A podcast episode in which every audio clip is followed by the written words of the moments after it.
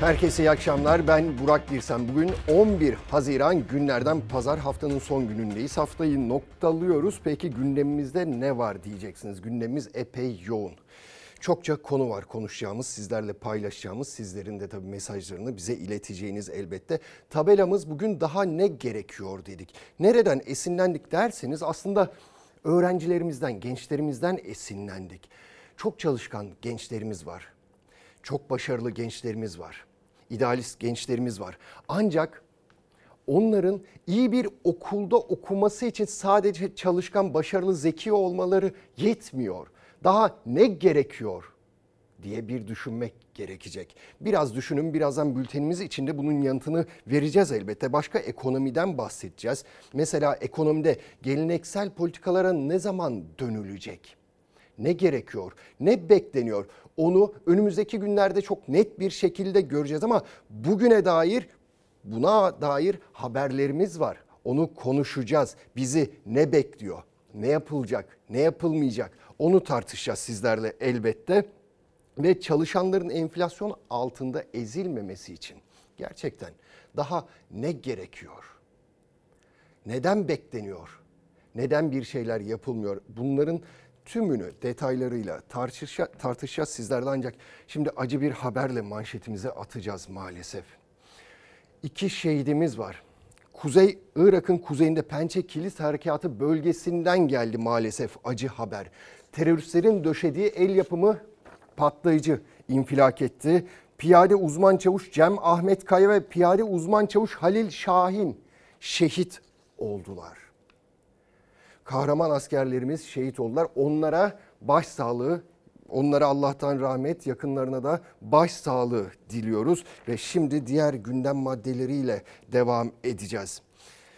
İlk başta ne diyeceğiz? Siyaset diyeceğiz elbette. Şimdi 12 gün sonra seçimlerden 12 gün sonra Kemal Kılıçdaroğlu sessizliğini bozmuştu. Önemli açıklamalar yapmıştı. Tabii ki Ekrem İmamoğlu'nun adaylığı kendisine sorulmuştu ve şöyle bir cümle kurmuştu. Kemal Kılıçdaroğlu demişti ki belediye başkanları seçildikleri yere hizmet etmek zorundadır dedi Kemal Kılıçdaroğlu.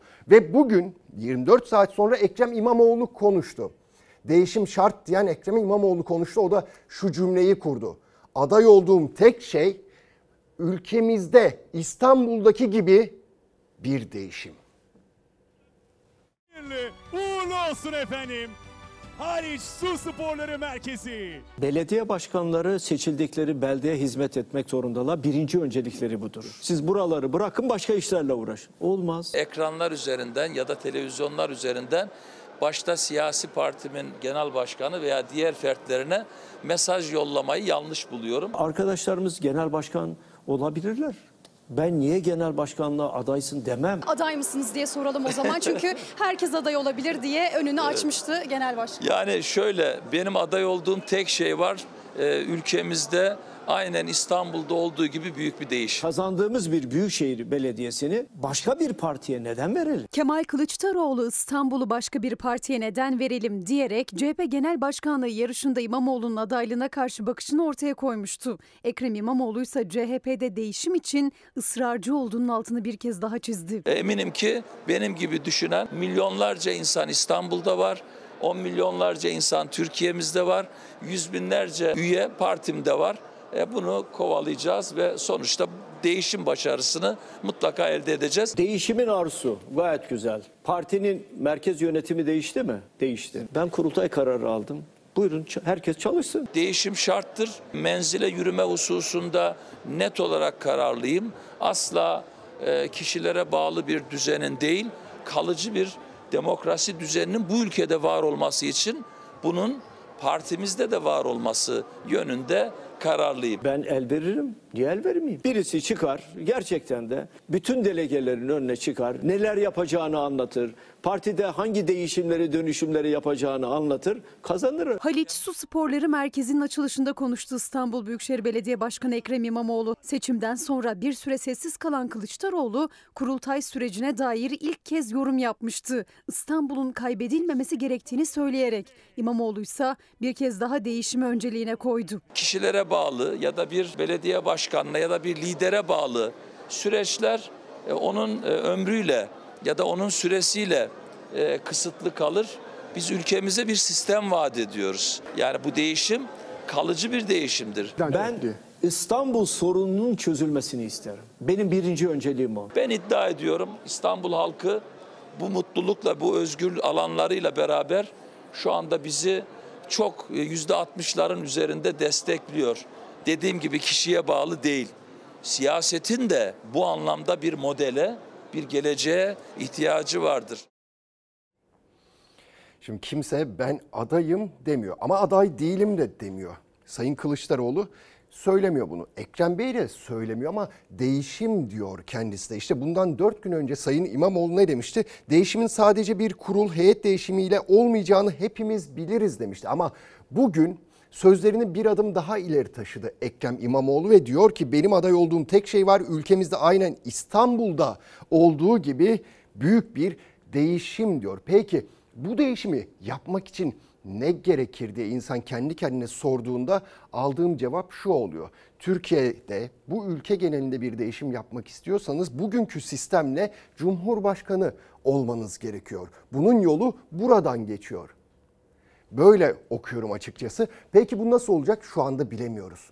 Siyasette işte Sayın rahmetli Demirel'in söylediği bir söz vardır ya 24 saat çok kısa bir zamandır diye. Gerçekten de öyle çok kısa bir zaman. 3 gün sonra bu değişim nasıl olacak? Sayın Kılıçlar Ekrem İmamoğlu CHP Genel Başkanlığı'na kurultayda aday mı olacak? Belki başka bir parti kuracak. Her şey olabilir siyasette ama bir şeyler olacak elbette. Bizde ne olacak diye bekliyoruz. Göreceğiz bakalım ne olacağını. Şimdi tekrar Kemal Kılıçdaroğlu'nun sözlerine dönecek olursak işte demin de bahsettik ya adayım da demedi ama aday değilim de demedi. Öyle bir cümle kurmadı. Sadece işte ağır bir yenilgi değil dedi. Bunun yanında bir başkası kırsala ulaşamadık dedi ve bu sözlerin ardından bu sözlerin ardından Ankara kulisleri hareketlendi. CHP Genel Merkezi hareketlendi. Ne demek istedi? O konuşuluyor, o düşünülüyor. Açıklamalarının şifreleri neler? O çözülmeye çalışılıyor. partinin bir öz eleştiri sürecini ve bir değişim sürecini yaşaması gerekiyor. Bir lider değişimi, Ahmet gitsin Mehmet gelsin tartışmasından çok bir kapsamla, bir çerçeveyle ele alınması gerektiğini düşünüyorum. Vay efendim işte bu değişim yetersiz. Elbette yetersiz. Ben kurultay kararı aldım. Buyurun herkes çalışsın. Kaybedilen seçimlerin ardından değişim tartışılıyor CHP'de. Kılıçdaroğlu yükselen değişim taleplerine karşı kurultay sürecini de başlattı. Şimdi en kritik sorunun yanıtı aranıyor. Kendisi de bırakacak mı?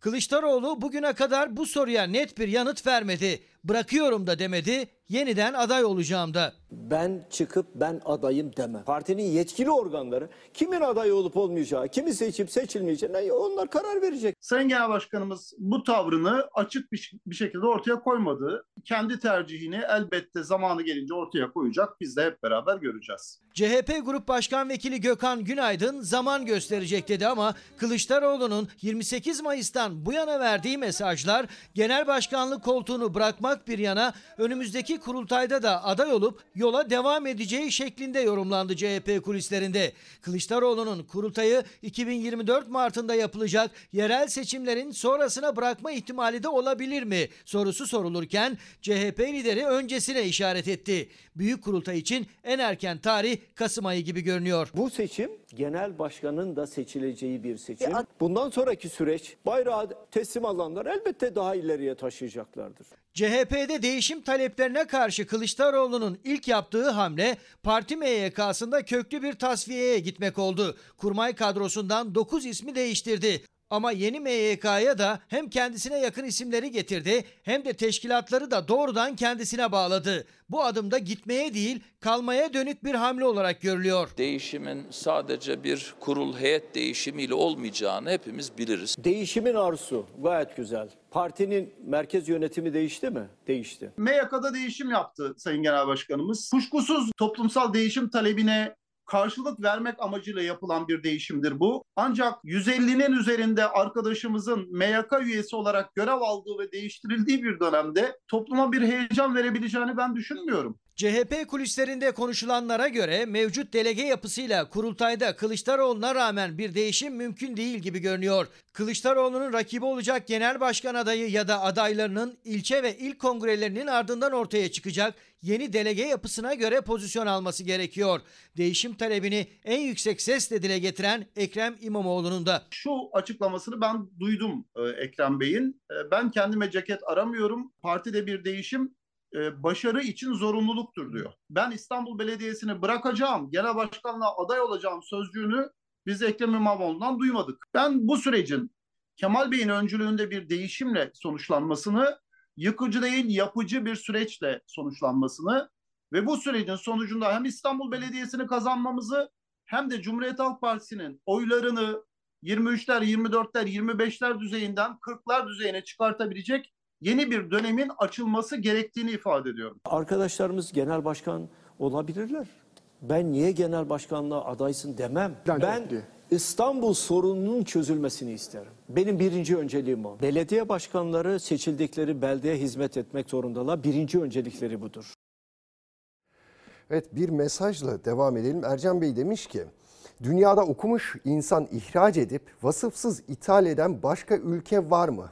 Daha ne gerekiyor diye sormuş. Gerçekten de onu da anlamak mümkün değil. Şimdi ekonomiye bir bakacağız. Ekonomide işte 22 Haziran çok kritik, gerçekten kritik bir gün. Çünkü Merkez Bankası faiz kararını açıklayacak. Herkes onu bekliyor. İşte ekonominin başındaki isim daha doğrusu kadrolar değişti. Bir kısım kadro değişti. Mehmet Şimşek geldi. Ondan sonra Merkez Bankası'nın başkanı değişti. Ama Merkez Bankası'nın eski başkanı Şahap Kavcıoğlu sanki 27 aydır çok başarılıymış gibi BDDK'nın başına getirildi. Ne hikmetse orada da büyük bir soru işareti var. Şimdi soru şu. Heterodoks politikaya devam mı denilecek yoksa tamam mı? Türkiye şu anda alçak yoğunluklu bir döviz krizini e, açıkçası yaşıyor. Türkiye'nin rasyonel bir zemine dönme dışında bir seçeneği kalmamıştır. Mehmet Şimşek'in gelmesiyle beraber rasyonel zeminde ekonomi e, çalışacak ama bu arada hiper enflasyon yaşayacağız. Gelir eşitsizlikleri içerisinde kıvranacağız. Ekonominin direksiyonundaki Mehmet Şimşek rasyonel politikalar izlenecek diyerek ilk adımı attı ama muhalefetin ekonomi öngörüleri karamsar, düşündürücü. Nedeni ise Merkez Bankası Başkanlığından alınan Şahap Kavcıoğlu'nun Erdoğan tarafından Bankacılık Düzenleme ve Denetleme Kurulu'nun başına getirilmesi. Yani güven sorunu. İktidarın kafası belli ki karışık. Ülkeyi kendi düşürdükleri çukurdan çıkartacaklarını söyleyenler doğru kadroları belirlememiş, durum tespiti yapmamış ve istikrar programı hazırlamamış. Ortada ne ciddiyet var ne planlama. Böyle devlet yönetilmez. Merkez Bankası Başkanı ataması yapıldı ama bir başka atamayla bunun getirebileceği güven ortadan kaldırıldı. Sizin bu programı başarıyla uygulayabilmeniz mümkün değil. Kavcıoğlu'nun iki yılı aşan Merkez Bankası Başkanlığında enflasyonda döviz kuru da zirve yaptı. Cari açık katlandı. Göreve geldiğinde 7 lira 26 kuruş olan dolar bugün 23 liraya aştı. %16'lardan aldığı enflasyon TÜİK rakamlarına göre %85'e kadar yükseldi. Bugün %39,40. Merkez Bankası'nın rezervleri eksi 65 milyar dolar. Bu kadar beceriksiz bir Merkez Bankası Başkanı Sayın Erdoğan'ın her istediğini yaptığından dolayı ödüllendirildi. Önceki Merkez Bankası'nı görevden aldık çünkü laf dinlemiyordu. Bütün dünyanın merkez bankalarının hepsi faizleri yükseltirken bizim merkez bankamız tersini yaptı. Faizleri aşağı indirdi ve bugün içinde olduğumuz krizin içine soktu. Enflasyonun %39,5 olduğu bir yerde siz %8,5 bir Merkez Bankası politika faizinin bir anlamı yok. Kavcıoğlu döneminde politika faizi ise Erdoğan'ın istediği gibi hep düşürüldü. Göreve geldiğinde %19 seviyesinde olan politika faizini %8,5'a kadar indirdi. Kavcıoğlu şimdi Bankacılık Düzenleme ve Denetleme Kurulu'nun başında Mehmet Şimşek'le yeni Merkez Bankası Başkanı Hafize Gaye Erkan'ın ilk sınavı ise 22 Haziran'da toplanacak. Merkez Bankası Para Politika Kurulu'ndan çıkacak politika faizi olacak. Bu kardeşiniz bu görevde olduğu sürece faiz her geçen gün, her geçen hafta, her geçen ay inmeye devam edecektir. Kimse bize bu konuda akıl vermesin. Benim anladığım kadarıyla bir faiz arttırma olacak. Ama bunu Bir anda mı olacak sanıyorum kademeli biçimde arttıracaklar. %8,5'luk faiz zaten doğru bir faiz değil. Piyasada faizler %30'lara kadar çıkmışken yabancı bankalar yatırım fonları Merkez Bankası'nın politika faizi için en az %20 artış beklerken Erdoğan faiz artışına izin verecek mi ya da ne kadar verecek? Merkez Bankası'nın Haziran faiz kararında gözler. Şayet bu plansızlık ve kararsızlık devam ederse ülke olarak ödeyeceğimiz fatura daha da kabaracak. İyi Parti'nin ekonomi kurmayı Bilge Yılmaz programsızlık, plansızlık, kararsızlık uyarıları yaptı. Mehmet Şimşek ise perşembe günü bankacılarla görüşecek. Evet bakalım herkes onu bekliyor. 22 Haziran'da ne olacak? Rasyonel bir adım atılacak mı? Çünkü Sayın Mehmet Şimşek ilk açıklamasında ne demişti? Rasyonel, şeffaf bir adım, şeffaf bir yöntem izleyeceğiz demişti. Bunu göreceğiz aslında. Ne kadar samimi olduğunu, ne kadar gerçekçi olduğunu göreceğiz. Ne kadar bağımsız olarak hareket ettiklerini göreceğiz. Elbette rasyonel bir adım atılmazsa eğer işte 27 aydır başarısız olan eski Merkez Bankası Başkanı Şahap Kavcıoğlu'nun BDDK'nın başına neden getirildiğini de anlamış olacağız. İşte Mehmet Şimşek'in bu rasyonel şeffaflık açıklamasının ardından Sayın Cumhurbaşkanı'nın bugüne kadar neden sus pus olduğunu da anlamış olacağız. E başka tabii ki Mehmet Şimşek'in neyi görmüş olacağız? Mehmet Şimşek'in aslında o koltukta oturmasının bir göz boyamadan ibaret olduğunu da fark etmiş olacağız. 22 Haziran ya da olmayacağız. 22 Haziran bize o nedenle çok şeyi gösterecek ekonomide. Şimdi 13 Haziran da tabii önemli bir gün. 13 Haziran niye önemli? 13 Haziran asgari ücretin asgari ücret görüşmelerinin başlayacağı zaman. İşte eski Çalışma Bakanı Vedat Bilgin ne demişti? 500 dolar olması gerekiyor asgari ücretin demişti ama hayır 28 Mayıs seçimlerinden sonra asgari ücret 365 dolar civarlarına 360 dolar civarlarına düştü. Nasıl olacak bilmiyoruz. Kıyasıya bir pazarlık, kıran kırana bir pazarlık geçecek muhtemelen. Çünkü disk şunu söylüyor. Asgari ücret bu memlekette diyor şu şartlar altında 16.900 TL olmalı. Sizce asgari ücret ne kadar olmalı? 15-16'ların üzerine çıkması lazım yani. Düşün ya ben 3 tane çocuk okutuyorum nasıl döneceğim yani. Şu anda yani 22-20 arası olması lazım yani. 10 binden aşağı bir kira yok. 4 kişi bir ailede bir kişi çalıştığı zaman o para yetmeyecek. Ekonomik gelişmeler enflasyon başta olmak üzere değerlendirilecek. Bir uzlaşmayla bir sonuç çıkacak. Ama biliyorsunuz asgari ücret tespit komisyonunda karar oy çokluğuyla alınıyor. Hiçbir itiraz e, yolu yok ve genellikle de işverenlerle e, hükümetin birlikte tek taraflı olarak belirlediği bir ücret olarak belirleniyor asgari ücret. Milyonlarca çalışanın gözü Temmuz zammında. Asgari ücret tespit komisyonu 13 Haziran'da toplanacak. İşçi, işveren, hükümet yeni asgari ücreti belirlemek için görüşmelere başlayacak. Eski Çalışma Bakanı Vedat Bilgin'in 500 dolar yani bugünkü kurla 11.700 lira vaadi vardı. Diske göre ise iki asgari ücret en az bir yoksulluk sınırı etmeli. Yani asgari ücret 16.900 liradan düşük olmamalı. Aşağı yukarı 500 dolar civarında. Ona göre bir asgari ücret e, belirleyeceğiz inşallah. Çalışmalarımız hazır. Bir evde iki kişi çalıştığı zaman o eve en azından bir yoksulluk sınırı kadar gelir girebilmelidir. Yoksulluk sınırı 33.752 lira. Ailede çalışan iki asgari ücretli üzerinden hesap yapıyor disk. Asgari ücret en az 16.900 lira olmalı diyor. Mevcut asgari ücret ise açlık sınırının bile altında. Bir ev çıkmış 15 TL yani kirası kimse ödeyemez. En az 20 TL olacak ona göre yani. Sürekli olarak ülkeyi yöneten iktidarın sözcüleri çalışanlarımızı enflasyona ezdirmedik diyorlar. Ama buradaki asıl mesele şu. Türkiye'de enflasyon doğru ölçülmüyor. TÜİK sürekli olarak enflasyonu eksik ölçerek işçinin, memurun, emeklinin sofrasındaki ekmeğe elini uzatmaktadır. Diskin açtığı ve kazandığı davaya rağmen TÜİK hala madde sepetindeki fiyatları açıklamıyor. Yani enflasyon hangi fiyatlar üzerinden hesaplanıyor bilinmiyor. Bir aylık ücretsiz verilen doğalgazda sıfır olarak geçmişti kayda. TÜİK Mayıs enflasyonunu %0,04 olarak açıklamıştı. Bu durumda ilk 5 aylık enflasyon %15,26. 6. ayda yani Haziran'da da düşük enflasyon bekleniyor doğalgaz etkisiyle. Eski Çalışma Bakanı'nın 500 dolar vaadi içinse %37,5 zam gerekiyor. Dolar üzerinden de hesaplasanız veya başka bir parametreye de endeksleseniz burada alım gücündeki kayıptır esas olan. Burada önemli olan asgari ücretin kaç lira olacağı değil, alım gücünün korunmasıdır. Diske göre de zam oranları kadar önemli olan enflasyonun doğru hesaplanması ve alım gücünün artırılması. Gözler 13 Haziran'da başlayacak asgari ücret görüşmelerinde. Sadece enflasyon karşısındaki kaybın giderilmesi yetmez. Büyümeden milli gelir artışından payını alabilmelidir asgari ücret ve bütün ücretler. Benim talebim e, asgari ücretin artmasından önce enflasyonun düşmesi. Asgari ücrete zam gelecek ama onun peşinden kiralara zam gelecek. Ekmek fiyatı artacak, her şey artacak. Önemli olan asgari ücrete zam değil, önemli olan eee, zam gelmemesi zaten. İşte insanlar eski günlerini arar hale geldiler. Bundan 3 yıl önce, 5 yıl önceki günlerini arar hale geldiler. Ne diyorlar? Enflasyon yükselmesin yeter ki. Asgari ücret artmasın, varsın artmasın. Ama olmuyor işte. Bu izlenen yöntemlerle, ekonomik yöntemlerle enflasyon aldı başını gidiyor. Durdurak bilmiyor. Ve bir de belki de şunun yapılması gerekiyor. İşte Avrupa'da asgari ücretli çalışan oranına baktığınız zaman Türkiye, korkunç bir boyutta. Türkiye'de çalışanların neredeyse %60'ı asgari ücrete tabi çalışıyor.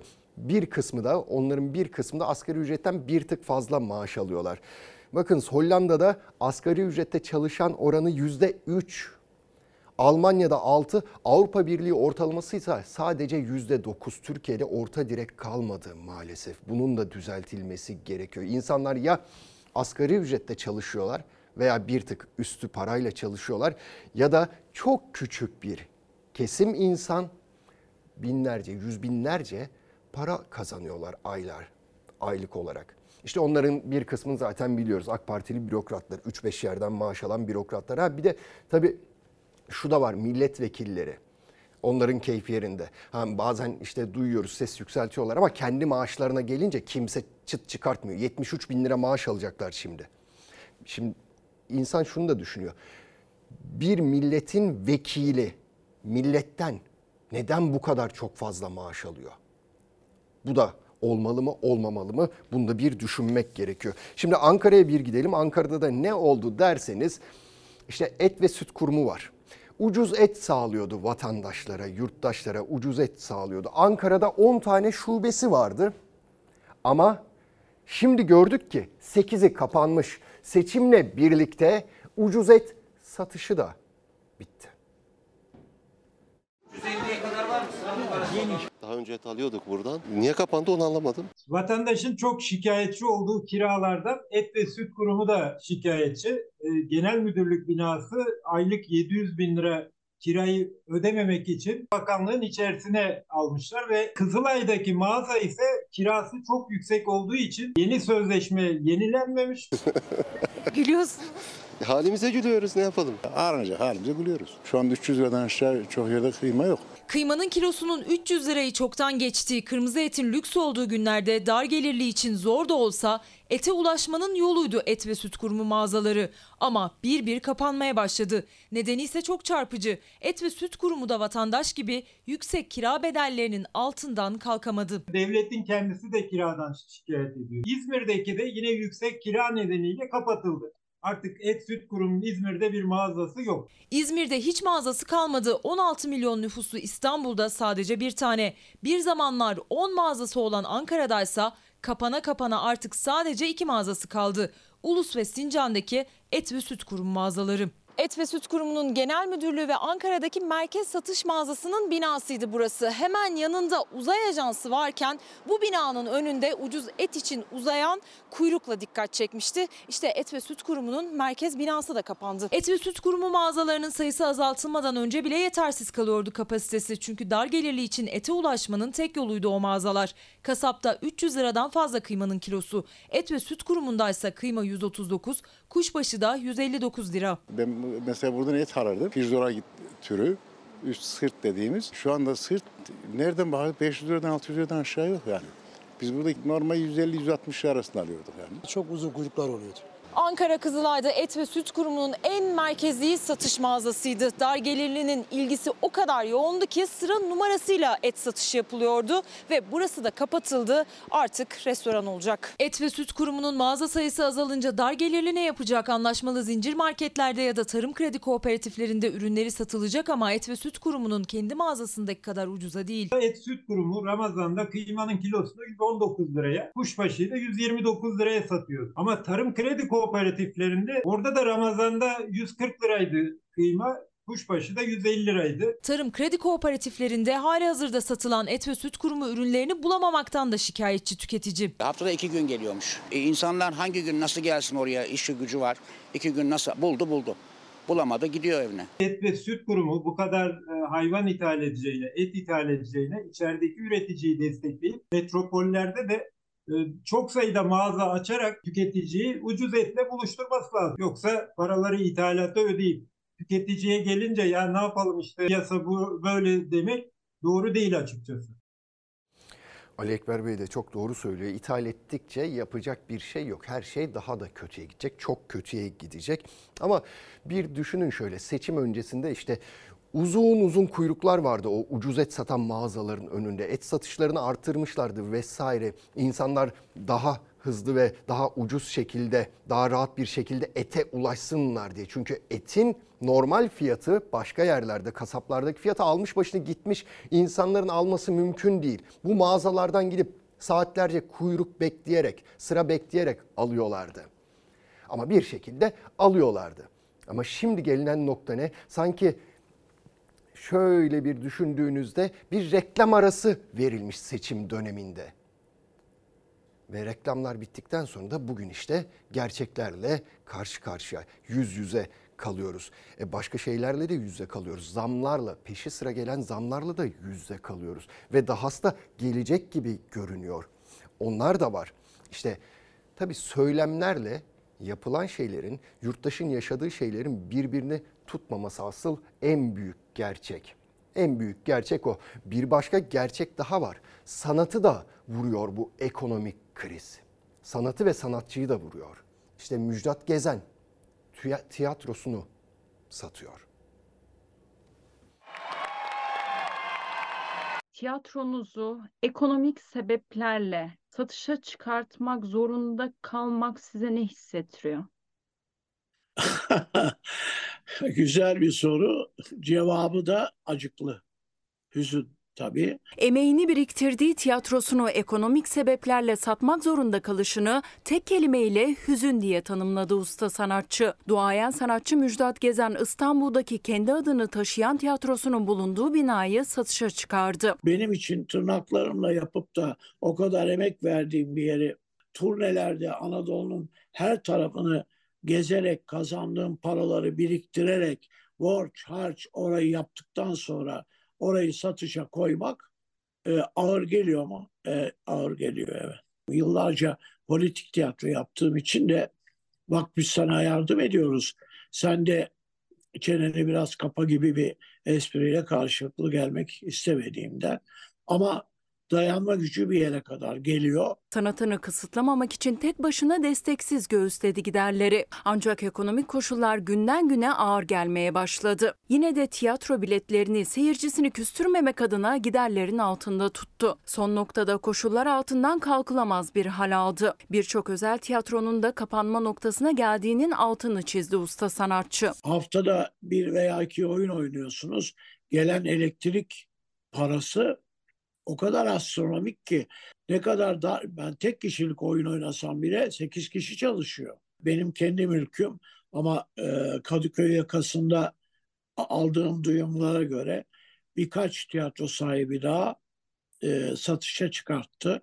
Sanatçının yılların tecrübesi ve emeğine aktardığı, alın terini akıtarak aldığı, tiyatro seyircisine açtığı, öğrencilerini eğittiği Müjdat Gezen Tiyatrosu perdelerini kapatıyor. Bir tek Müjdat Gezen tiyatro salonu sattı diye Türkiye'ye bir şey olmaz ama bu halkın nasıl e, zorluk çektiğini gördükçe için parçalanıyor. Ülkenizin koşulları sizi buraya getiriyorsa bunun kabahatlisi ben değilim.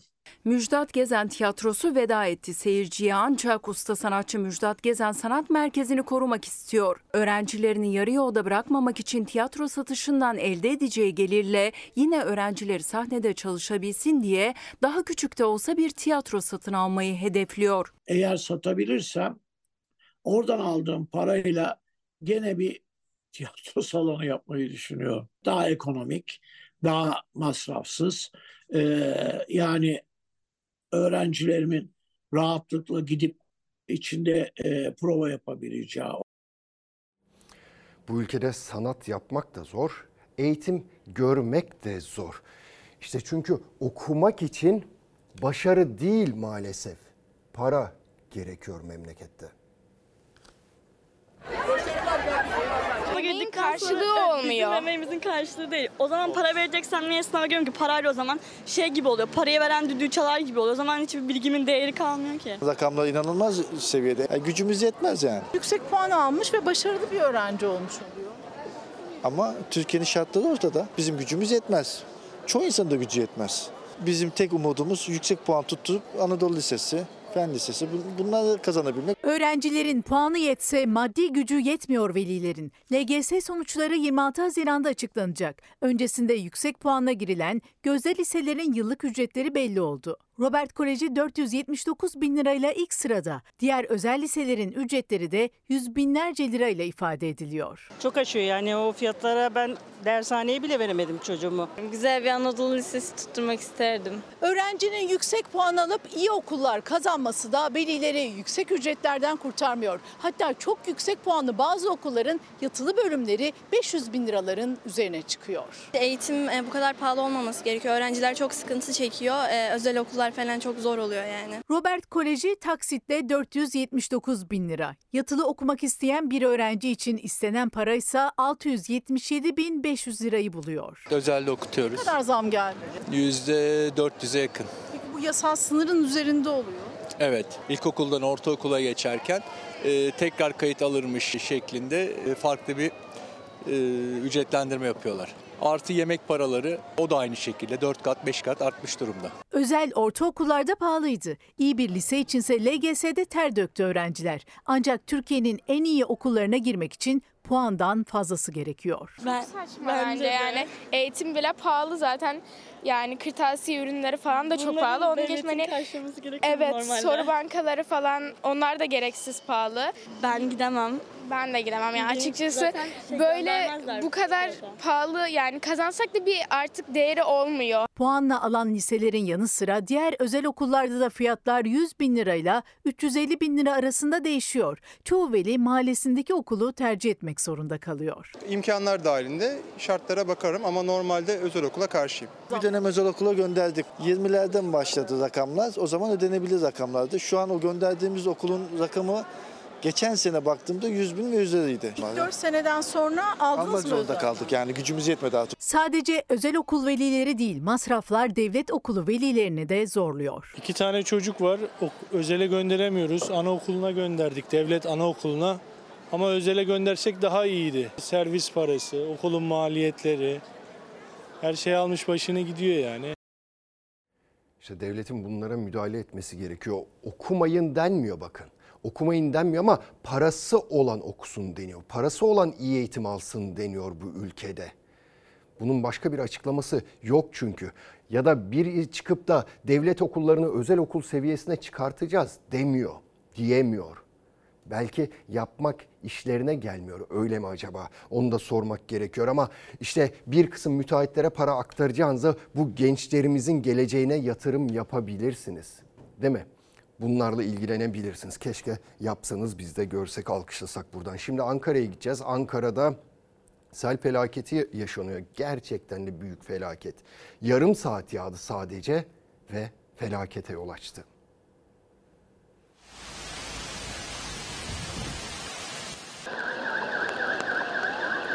İki saate yakın etkili olan dolu ve sağanak yağış sonrası başkentten manzaralar. Semtler farklı ama pek çok yerde görüntü aynıydı. Yollar, parklar, alt geçitler sular altında kaldı. Sığıye sokaklarında manzara adeta felaket sonrası gibi. Aslında bu yarısına kadar suya batmış arabalar park halindeydi ama yağmur suyu o kadar şiddetli ve yüksekti ki araçları oradan oraya savurdu. Bu ne rezillik ya. Yollar nasıl geldiğiniz taraflar? Tekirdağ'dan geliyorum Tekirdağ'da böyle bir şey yok. Ben Ankara berbat. Baş, başkent böyle mi olması lazım? Kent merkezinde aynı anda başlayan afet düzeyindeki kuvvetli fırtınalı sağanak yağış ve dolu yağışının oranı metrekareye 44 kilogramı aştı. Önce yağmur sonra dolu yağış vardı başkentte. O anlardan sonra da Ankaralıların selle imtihanı başladı. Ankara Büyükşehir Belediye Başkanı Mansur Yavaş da sosyal medya hesabından seslendi. Sahadayız, teyakkuz halindeyiz diyerek. Yavaş Ankara çayının taşma noktasına gelerek tam kapasiteye ulaştığını, bu durumun altyapı hatlarını doldurduğunu ve deşarj sürecini uzattığını dile getirdi. 5 dakika sürmedi. Gelene kadar bu şekle gelmiş. Araba çalışacak durumda değil. Arabam gitti bak. Yolda mı yakalandınız park halindeyken? Yoldayken yakalandık. Köşeye çektik arabamızın içi hep su oldu. Komple şu kovayla arabanın içinden yarım saat su çıkardık. Çok zor ya. Sel sonrası meydan adeta iki yaka halinde ayrıldı. Karşı tarafta hemen pazar yeri var ama oradakiler de orada mahsur kaldılar. Ne karşıya geçebiliyorlar ne de başka bir yöne hareket edebiliyorlar. Suyla kaplanan yollardaki rogarlar kimi zaman vatandaş eliyle, kimi zaman da iş makineleri ile açılmaya çalışıldı. Yağmura, fırtınaya hazırlıksız yakalananlara dereye dönen yollarda itfaiye yardım etti.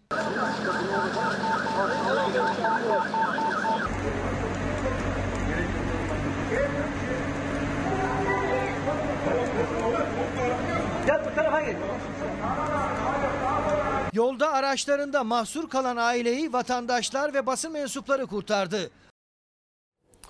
Şimdi MS hastalarının ilaçları SGK onu kapsam dışı bıraktı. Artık o ilaçların fiyatını ödemiyor. Ama elinizi vicdanınıza koyun lütfen. İlaca 57 bin lirayı kim nasıl ödesin? MS Derneği'nden bir paylaşım geldi. Sosyal medya üzerinden. Dedim tuhaf bir şey oldu. Nasıl oluyor falan. Sonra eczacıma sordum. O tabii baktı. Dedi ki pasif duruma alınmış. Yani geri ödeme sürecinden çıkartılmış bu ilaç dedi. Pazartesi günü doktor randevusu var MS hastası Turgay Saygıver'in. Hastalığını yavaşlatan ilacını alacaktı ancak ilaç SGK'nın ödeme kapsamından çıkarıldı. Haberi MS Derneği'ne ilaç firması verdi. Dernekten hastalara bilgi verildi. Eczaneler ilacın ödeme kapsamından çıkarıldığını doğruladı. 6 ayda bir tek dozu 57 bin lira olan ilacı nasıl alabileceğini düşünen binlerce hastadan biri o. Olayın ilerlemesini, daha ağır bir e, hale dönüşmesini engelleyici bir ilaç. En azından ilerlemedi. İlacın kullanım amacı da o zaten, ilerlememesi. Bakalım dedim ne yapacağız biz yani? Neticede hani kim, ne yapacak bu insanlar? Ne yapacaklarını bilmiyorlar. Beyni ve omuriliği tutan, zamanla kas zayıflığına neden olan MS'le mücadele eden 6 bin hasta kullanıyordu o ilacı. 58 yaşındaki emekli yönetici Turgay Saygıver de onlardan biri. İlaç sayesinde hastalığın ilerlemesi yavaş seyrediyordu. 6 ayda bir kullandığı ilacın bir dozu dolardaki son artışla 57 bin liraya çıktı. Yıllık 114 bin liralık ilacı SGK ödeme listesinden çıkarttı. Alsanız nasıl kullanacaksınız? Pahalı bir ilaç. Yani ithal bir ilaç olduğu için dövizle alınan bir ilaç. Döviz arttıkça onu da Tabii tabii sıkıntının büyük kısmı o. Döviz anlamında fiyat yükseldiği için kaldırmışlar. Ödeme yok, kendi de mi yok? Kendi de yok. Şu anda parayla almaya kalksak bile ilacı bulamıyoruz zaten yok. E, Bir hafta 10 gün beklemek zorundayız bu ilacın bize ulaşması için. Tek sorun ilacın SGK kapsamından çıkarılması da değil, temininde de sıkıntı yaşanıyor. Zaten çok zor buluyorduk ilacı. Ha dediğimizde alamıyoruz ilacı. Bir, hafta beklemek zorundayız. MS hastaları ve aileleri ilacın yeniden SGK kapsamına alınmasını istiyor. Ben bunu e, ancak bir kere alırım, iki kere alabilirim. Ama devamlı ben bunu karşılayamam. Elbette etrafınızda sizler de hissediyorsunuzdur, farkına varıyorsunuzdur. Sayıları çok fazla arttı ve nedeni tamamen duygusal.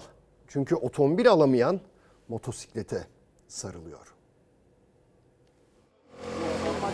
Bir motosiklet tutkunuyum ben. Bir otomobille kıyasladığımızda dörtte bir fiyatına geliyor. E, trafik açısından da işte rahatlatıcı, kolay işte hemen hızlı vakit kazandıran bir araç. Bu biraz da keyif, bir tutku. Tabii ki gönül ister fiyatlar biraz daha makul olsun. Hani bizim asgari ücretle çarptığımız zaman bir yabancının, bir Almanın işte bir maaşıyla iki maaşıyla aldığı şeyi biz belki 30-40 maaşla alabiliyoruz. Çok keyifli. Hani rüzgarı yüzünüzde hissetmek. Tabii trafik avantajı var. Trafiğe kalmadan her yere ulaşım sağlayabiliyorsunuz. Artan döviz kuru nedeniyle otomobil fiyatları katlandı. Sürücüler daha ucuz ulaşım seçeneklerine yöneldi. Trafiğe kaydı yapılan araçların %37'si otomobil. İlk sıradaysa %45'le motosiklet var. Fiyatlar aynı otomobiller gibi sürekli bir artan bir bir e, fiyat grafiği var. Çok kısa aralıklarla da zamlar geliyor. Ama yine de otomobile kıyasla her zaman uygun bir ulaşım aracı. Skuterlarımız var. Ee, Onlar 60 bin liradan 60 bin lira civarı bir fiyat aralığından başlıyor. 1 milyonların üzerine kadar e, farklı farklı e, ürün modelleri mevcut. Kurlar yüzünden maalesef e, fiyat her geçen gün yukarı gitmek durumunda. İstanbul gibi bir büyük şehirde motosiklet lüks ya da keyif değil bence ihtiyaç. Geçen yıla göre trafiğe kaydı yapılan motosiklet sayısında %85 artış var. Yakıt ve zaman tasarrufu sağladığı için tercih ediliyor motosiklet. Ancak otomobillerde olduğu gibi motosiklette de fiyatlar önceki yıllara göre yüksek. Kur farkı biraz kur yükseldiği için şu son dönem biraz zam geldi. Ama onun dışında e, alınabilecek modeller var. 250 ila 415 arası gidip geliyor alınabilecek şehir içi motorları. Otomobilin en düşük segmenti 600 bin lirayken yani ortalama bir motosiklet e, 200-300 bin lirayı bulabiliyor. Onlar da tabii trafikte büyük bir kolaylık sağlıyor size. Araba kadar da e, bakımı yüksek değil. Otomobil fiyatlarının yüksekliği ve trafik birçok kişiyi motosiklete yöneltti. Motosiklet fiyatları otomobile nazaran daha erişilebilir ancak yüksek döviz kuruyla birlikte onun da fiyatları geçen yıldan bu yıla %50 oranında arttı. Değiştirmek ve yükseltmek istiyoruz. İnşallah kısmet olsun diyelim. Ekonomide de inşallah yüzümüz güler ki biz de güzel motorlara bineriz. İstanbul'da düzenlenen motosiklet günlerinde de gündem yüksek döviz kuruydu. Gönül isterdi ki böyle fiyatlar ülkemizde daha aşağı olsun ve e, herkes dilediği motora e, geçebilsin. Ülkeye kur üzerinden giriş sağlanıyor. Kur arttığı sürece e, işte dolar fiyatı yükseldiği sürece tabii ki yine motosiklet fiyatları da ona göre değişiyor. Ehliyetimizi iki hafta önce aldık. İnşallah biz de bu camianın bir parçası olmaya çalışacağız. Burada da işte hayalimizdeki bazı modelleri görmeye geldik. Güzel bir organizasyon. Evet dün gece İstanbul'da Şampiyonlar Ligi finali oynandı. Muhteşem bir maçtı. Ve İlkay Gündoğan kaptanlığında Manchester City kupayı kaldırdı. Inter'i 1-0 mağlup ederek kupanın sahibi oldu Manchester City. İtalyanlar üzüldü, İngilizler sevindi. Dünyanın gözü ise İstanbul'daydı. Atatürk Olimpiyat Stadında oynanan UEFA Şampiyonlar Ligi finalinde kazanan Manchester City oldu. Dünya devlerinde forma giyen iki Türk asıllı futbolcu Türkiye'deki finalde karşı karşıya geldi. Manchester City'de oynayan İlkay Gündoğan ve Inter'de oynayan Hakan Çalhanoğlu. Aynı zamanda Manchester City'nin kaptanı olan İlkay Gündoğan kupayı kaldıran isim oldu. 68. dakikada gelen golle Manchester City Inter'i 1-0 yendi. Bitiş düdüğüyle birlikte başta Atatürk Olimpiyat Stadı olmak üzere galibiyet kutlamaları da başladı. Taksim Meydanı'nda da taraftarlar büyük coşku yaşadı. Cumhurbaşkanı Erdoğan da final maçını statta izledi. Macaristan, Slovanya, Ürdün, Libya ve Karadağ başbakanlarının yanı sıra Birleşik Arap Emirlikleri Devlet Başkanı Muhammed Bin Zayed Al Nahyan da oradaydı. Maçın ardından Erdoğan ve Al Nahyan birlikte yemek yedi. Florya'daki restorandan el ele ayrıldılar.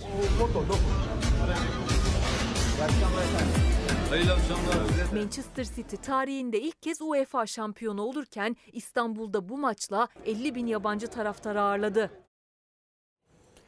Fox Haber'e bir ödül daha geldi. Yılın en iyi hafta sonu sohbet programı ödülünü almak üzere Fox TV'de yayınlanan programın sahibesi Merve Yıldırım'la Benden Söylemesi programıyla Merve Yıldırım alkışlarınızla sahneye geliyor. Hoş geldin. Merve Yıldırım'a teşekkür ediyoruz. Ödülünü takdim ediyoruz. Moonlife dergisi Cumhuriyet'in 100. yılında Türk bayrağını Paris'te dalgalandırdı. Fox'un çok sevilen programı Benden Söylemesi en iyi hafta sonu programı ödülüne layık görüldü. Programın sunucusu Merve Yıldırım, Fransa'nın başkentinde o büyülü gecede ödülünü aldı. Ödülünü vermek üzere sevgili Gani Müjde'yi sahneye davet ediyorum. Merve Yıldırım'a teşekkür ediyoruz. Ödülünü takdim ediyoruz. Fox Haber ekibi adına alıyorum. Ülkemizin geçmiş olduğu bu zorlu süreçlerde habercilik anlamında büyük mücadeleler veriyoruz sizlere doğru konuları aktarabilmek adına. Türkiye ve Avrupa'nın iş, cemiyet, sanat, spor ve politika dünyasından 400 davetlisi Paris'te bir araya geldi. Şehit çocukları ve depremzedeler için müzayedenin de gerçekleştirildiği gecede Gypsy Kings de davetlilere renkli anlar yaşattı.